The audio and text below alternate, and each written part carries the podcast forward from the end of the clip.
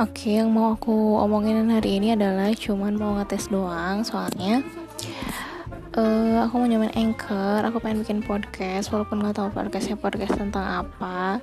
Misalnya aku lagi di depan perpus.